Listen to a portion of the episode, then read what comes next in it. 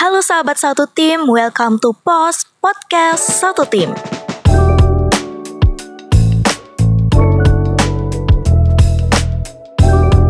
Nah, seperti kata pepatah tak kenal maka tak sayang, maka sebelum itu izinkan saya memperkenalkan diri. Saya Tugak Weda selaku host pada hari ini. Nah, mungkin dari kalian baru dengar podcast yang satu ini. Jadi, podcast satu tim ini adalah sebuah media informasi yang dikreat dari satu tim, yaitu Student Activity Support Undiknas Team, yang memiliki tujuan untuk dapat memberikan informasi, edukasi, dan juga hiburan melalui media audio yang akan dipublikasikan di Spotify. Dari podcast kali ini kami ingin mengirimkan informasi seputar satu tim dan hal yang menarik lainnya yang pastinya dapat mengedukasi dan juga menghibur para pendengarnya.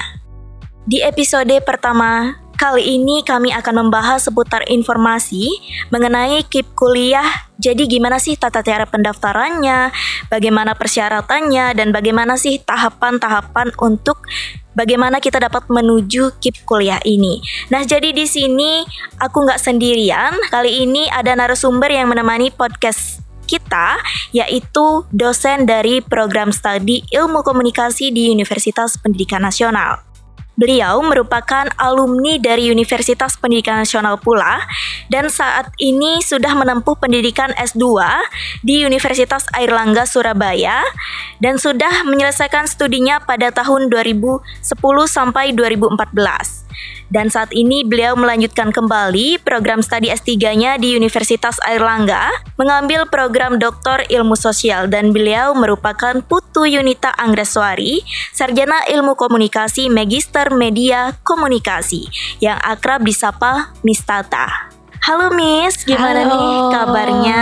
Langsung karo baik-baik. Dan gimana nih lanjut ke program S3-nya Miss? Doakan semoga cepat selesai ya. Jadi eh, memang agak berat sih. Jadi makin ke sini ya nanti kalian juga akan merasakan kan masih semester awalan, semester-semester berikutnya akan terasa berat-beratnya. Dan ya gitulah kita nggak boleh struggle. Struggle is real sih tapi harus dihadapi. Betul sekali dan eh, kira-kira Miss kangen nggak sih ngajar di kampus? Kok nggak kangen ya? Mungkin belum ya. Tapi pasti kangen sih aktivitas kampus karena biasanya kan ada rutinitas ngajar, penelitian, pengabdian seperti itu.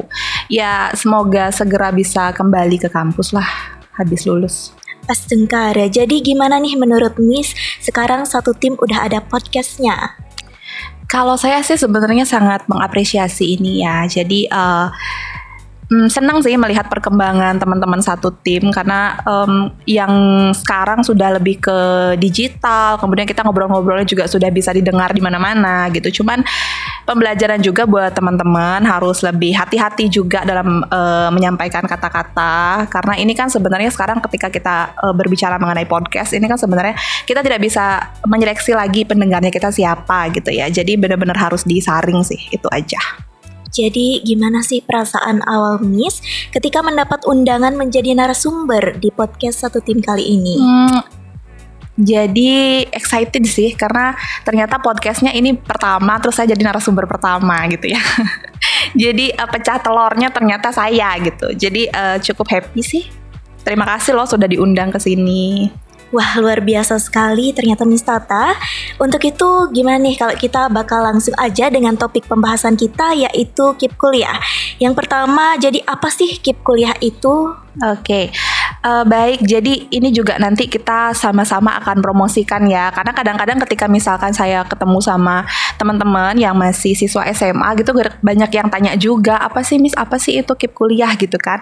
Nah jadi ketika sudah ada podcast ini kita tinggal share link aja gitu kan ke mereka.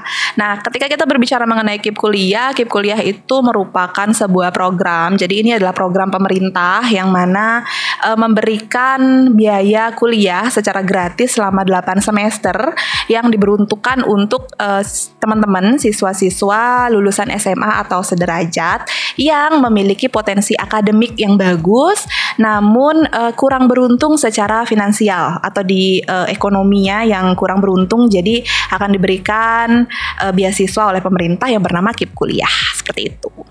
Wah, ternyata banyak sekali nih. Jadi, apa saja sih syarat dari penerima KIP kuliah ini, Miss? Baik, kalau untuk syarat-syaratnya itu adalah uh, ada beberapa persyaratan sih sebenarnya. Yang pertama tadi sebenarnya sudah saya sampaikan. Jadi ini diperuntukkan untuk mereka yang memang lulusan uh, eh, SMA di tahun yang sedang berjalan atau maksimal maksimal banget nih dua tahun uh, sebel, sebelum tahun sekarang. Jadi dua tahun setelah lulus gitu. Kalau misalkan sekarang 2022 berarti yang lulus tahun 2020 masih bisa mendaftar, tapi yang di bawah itu udah nggak boleh lagi gitu ya. Jadi ini dimaksimalkan untuk yang dua tahun lulus gitu.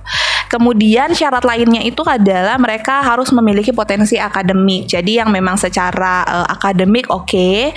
dan kemudian syarat yang ketiga adalah uh, diperuntukkan untuk teman-teman yang uh, kurang beruntung secara ekonomi gitu. Jadi uh, istilahnya secara ekonomi tidak mampu gitu atau tidak tidak beruntung secara finansial gitulah bahasa yang lebih halus ya. Oke Miss, jadi dengar-dengar nih hmm. bahwa penerima KIP kuliah tersebut harus memiliki kartu berupa KIP, PKH ataupun KKS. Jadi uh, jika ada yang tidak memiliki kartu ini namun memiliki keterbatasan ekonomi itu gimana ya Miss? Oke, jadi gini sebenarnya uh, itu memang syarat mutlaknya ya. Jadi mereka yang sudah memiliki kartu KIP, kemudian kartu Indonesia Pintar, kartu Indonesia Sehat, itu kan berarti mereka yang sudah terdaftar di uh, eh, DTKS data terpadu kesejahteraan sosial gitu ya dinas sosial. Nah kalau misalkan memang tidak memiliki empat syarat utama itu atau belum terdata di DTKS itu tetap bisa. Nah ini sebenarnya kembali ke masing-masing kebijakan kampus ya. Cuman kalau misalkan di Undiknas sendiri uh, kita selalu bijaksanai mengingat memang kadang-kadang uh, eh, DTKS itu full. Contohnya kemarin di Kabupaten Gianyar ternyata sudah full 30 ribu yang terdata, kemudian datanya belum diupdate kembali. Jadi uh, sementara itu masih full dan belum bisa menerima anggota baru gitu di TKS-nya. Nah, kemudian kalau misalkan ternyata kita uh, saklek dengan syarat itu, berarti teman-teman yang di Kabupaten Gianyar semuanya dong nggak bisa gabung gitu kan. Akhirnya kita bijaksanai bahwa kalaupun mereka tidak terdata di DTKS, kita tetap akan terima dengan beberapa seleksi-seleksi tambahan gitu. Oke, Miss. Jadi, apakah semua mahasiswa dapat mendaftar di KIP kuliah ini? Secara umum sih sebenarnya boleh mendaftar siapa aja boleh mendaftar. Cuman kembali ke beberapa syarat. Uh, ini diperuntukkan untuk mereka yang memang tidak uh, beruntung secara finansial gitu. Jadi kalau misalkan dirasa saya sudah mampu membiayai diri sendiri gitu atau orang tuanya sudah mampu membiayai, tentu ini kan nggak nggak boleh lagi nggak boleh serakah gitu ya teman-teman ya. Jadi memang diperuntukkan untuk mereka yang tidak beruntung secara ekonomi gitu sih. Oke, Miss. Jadi pertanyaan kali ini nih hmm. banyak banget nih ditanyain sama rekan-rekan kita. Jadi gimana sih cara dan tahapan pendaftaran KIP kuliah ini? Oke, baik kalau ditanya tahapan pendaftaran sebenarnya panjang ya.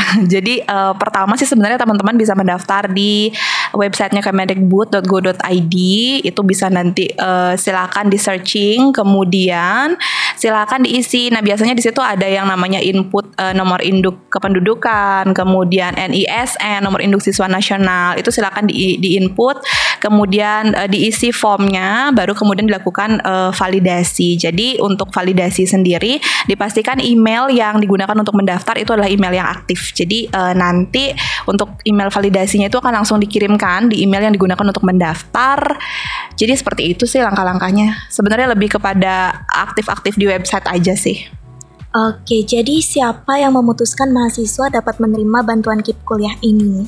Oke, jadi sebenarnya kan ketika sudah divalidasi, nanti untuk verifikasi dari penerima KIP kuliah itu kan diserahkan ke masing-masing perguruan tinggi kan. Jadi yang punya kewenangan juga untuk e, memutuskan apakah mereka ini diterima atau enggak itu sebenarnya ke masing-masing ke perguruan tinggi karena ketika sudah dilakukannya validasi di website uh, Kemendikbud, kemudian tim sudah memvalidasi, sudah memverifikasi, dan verifikasi selanjutnya itu diserahkan kepada perguruan tinggi. Jadi pastinya yang punya kewenangan itu adalah kampus yang dituju gitu untuk meluluskan atau ternyata memang belum layak untuk menerima KIP kuliah ini. Oke, jadi selain prestasi dan juga kondisi ekonomi itu kita juga perlu keaktifan.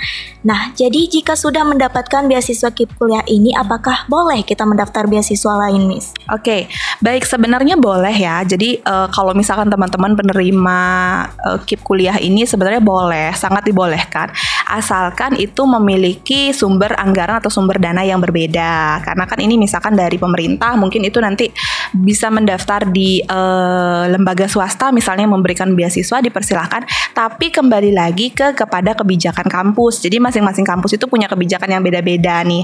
Biasanya kalau di Undiknas juga ada beasiswa lain, tapi teman-teman yang sudah menerima KIP itu biasanya di hold dulu. Jadi nggak boleh dulu deh ikut beasiswa lain gitu. Jadi silakan teman-teman yang merasa butuh bantuan dana pendidikan tapi bukan sebagai penerima KIP kuliah, jadi biar mereka juga dapat kuota gitu. Karena sayang banget kan kalau misalkan semua beasiswa diisi oleh anak-anak yang udah nerima KIP kuliah terus mereka ikut berbagai beasiswa lainnya gitu. Tapi ini kembali kebijakan kampus masing-masing ya, jadi beda-beda. Wah, menarik sekali tentunya mengutip dari pembicaraan Miss tadi. Uh, jadi ini beasiswanya kan dari pemerintah ya, Miss. Itu apakah untuk seluruh kampus swasta beasiswa KIP kuliah ini sudah merata atau bagaimana? Iya, baik. Kalau misalkan kita berbicara mengenai uh, pemerataan ya, ini kami kembalikan karena kita kan di atasnya uh, perguruan tinggi swasta ada yang namanya LL Dikti juga. Kalau kita Undiknas di Bali, NTT dan NTB itu masuk ke dalam LL Dikti wilayah 8 ya. Jadi kalau misalkan untuk kewenangan e, penerima KIP kuliah itu kita menunggu pengumuman atau surat dari LL Dikti 8. Jadi biasanya itu baru diumumkan di bulan Juni. Nah, ketika misalkan berapa sih kuota masing-masing kampus itu tidak bisa kita prediksi ya. Jadi unpredictable dia uh, di bulan Juni itu kemudian baru dibagi berapa sih kuota yang bisa diisi oleh Undiknas, oleh kampus swasta lainnya. Tapi biasanya sih semua kampus swasta pasti punya program KIP kuliah ini. Jadi nggak cuma di Undiknas sebenarnya semuanya punya gitu ya. Cuman untuk kebijakannya dan persyaratannya itu kembali ke masing-masing kampus. Ada yang kampus yang memang uh, terpakem dengan DTKS itu, ada yang memang punya kebijakan sendiri-sendiri dalam melakukan seleksi KIP kuliah. Seperti itu. Dan apakah penerima KIP kuliah ini dapat diberhentikan sewaktu-waktu, Miss? Dapat diberhentikan karena kita sebenarnya ada evaluasi tiap semester ya. Jadi tiap semester itu ada evaluasinya. Ini penting untuk dicatat. Kalau misalkan teman-teman merasa bahwa saya ingin keep, ikut keep kuliah nih tapi nggak mau ah dievaluasi gitu, mending di hold aja deh dulu gitu. Karena memang di keep kuliah ini kita butuh yang namanya komitmen gitu ya dari pihak kampusnya ataupun dari pihak eh, mahasiswanya. Jadi kalau misalkan memang sudah mengikuti program keep kuliah, itu diharapkan kita sama-sama komitmen, sama-sama konsisten jadi karena memang dituntut untuk berprestasi dan berpotensi secara uh, akademik, selain itu juga harus aktif di organisasi kemahasiswaan. Baik, jika seandainya mahasiswa tidak lulus dalam jangka waktu 3,5 tahun, apakah akan langsung mendapatkan sanksi yang telah ditentukan atau bagaimana sistem tindakan Baik. ini? Kalau ini kan sebenarnya masing-masing kampus punya uh, kebijakan yang berbeda-beda ya. Tapi kalau misalkan kita berbicara mengenai syarat dari keberlangsungan KIP kuliah ini sebenarnya ini bisa dilaksanakan selama 8 semester maksimal. Jadi kalau misalkan teman-teman ternyata merasa bahwa saya kok nggak, saya belum bisa kayaknya menyelesaikan tiga setengah tahun, it's okay, masih ada satu semester lagi nih. Jadi kita masih ada sampai 8 semester gitu. Jadi kalau misalkan selama 8 semester nih ternyata belum lulus juga berarti di cut off gitu ya beasiswanya. Cuman uh, kita sudah meminimalisir hal ini. Nah, bagaimana caranya meminimalisir? Itu kenapa pentingnya ada evaluasi di tiap semester. Jadi kalau misalkan ada mahasiswa yang nampaknya di semester ini nilainya anjlok atau ternyata jarang kuliah atau nggak pernah aktif nih di organisasi, itu kita pasti panggil. Biasanya pihak kemahasiswaan akan memanggil mahasiswa tersebut, kemudian dibicarakan, ada sesi konselingnya juga. Jadi itu adalah upaya-upaya untuk meminimalisir agar jangan sampai kip kuliah ini terputus gitu. Dan selanjutnya, dan ini juga mungkin akan menjadi pertanyaan terakhir, apa saja sih harapan dari Miss Tata ke depannya bagi mahasiswa yang dapat menerima beasiswa KIP kuliah ini? Baik, kalau harapan saya sih yang pertama mohon teman-teman penerima KIP kuliah ini kita saling rangkul merangkul gitulah ya. Jadi kalau misalkan dirasa ada adik kelasnya atau ada adik-adiknya yang kira-kira masih SMA, kemudian punya potensi secara akademik, kemudian tidak beruntung secara finansial, mohonlah kita sama-sama ajak gitu. Jadi dibantu untuk mensosialisasikan program KIP kuliah ini. Kemudian yang kedua adalah semoga teman-teman uh, tetap berkomitmen untuk uh, bagaimana caranya kita tetap berprestasi di bidang akademik gitu. Jadi semaksimal mungkin lah kita um, berprestasi secara akademik dan juga aktif di organisasi kemahasiswaan gitu. Karena kan ini ada evaluasinya ya. Jadi harapan saya sih semoga semakin uh, mengikuti inovasi dan perubahan lah gitu. Semakin inovatif, semakin mengikuti perkembangan, kemudian semakin modern lah nanti berbagai program-programnya dikembangkan, kemudian komitmennya tolong dijaga gitu karena sama-sama berkomitmen di sini bagaimana caranya kita bisa lulus 8 semester gitu. Gitu sih dari saya. Baik dan luar biasa sekali hari ini edukasi dari Miss Tata tentunya dapat menginformasikan kepada rekan-rekan yang masih awam tentang KIP kuliah. Dan rekan-rekan semua jangan lupa dengarkan terus podcast dari POS, podcast satu tim. Saya selaku host pamit undur diri dan sampai jumpa pada podcast selanjutnya. Okay, see you.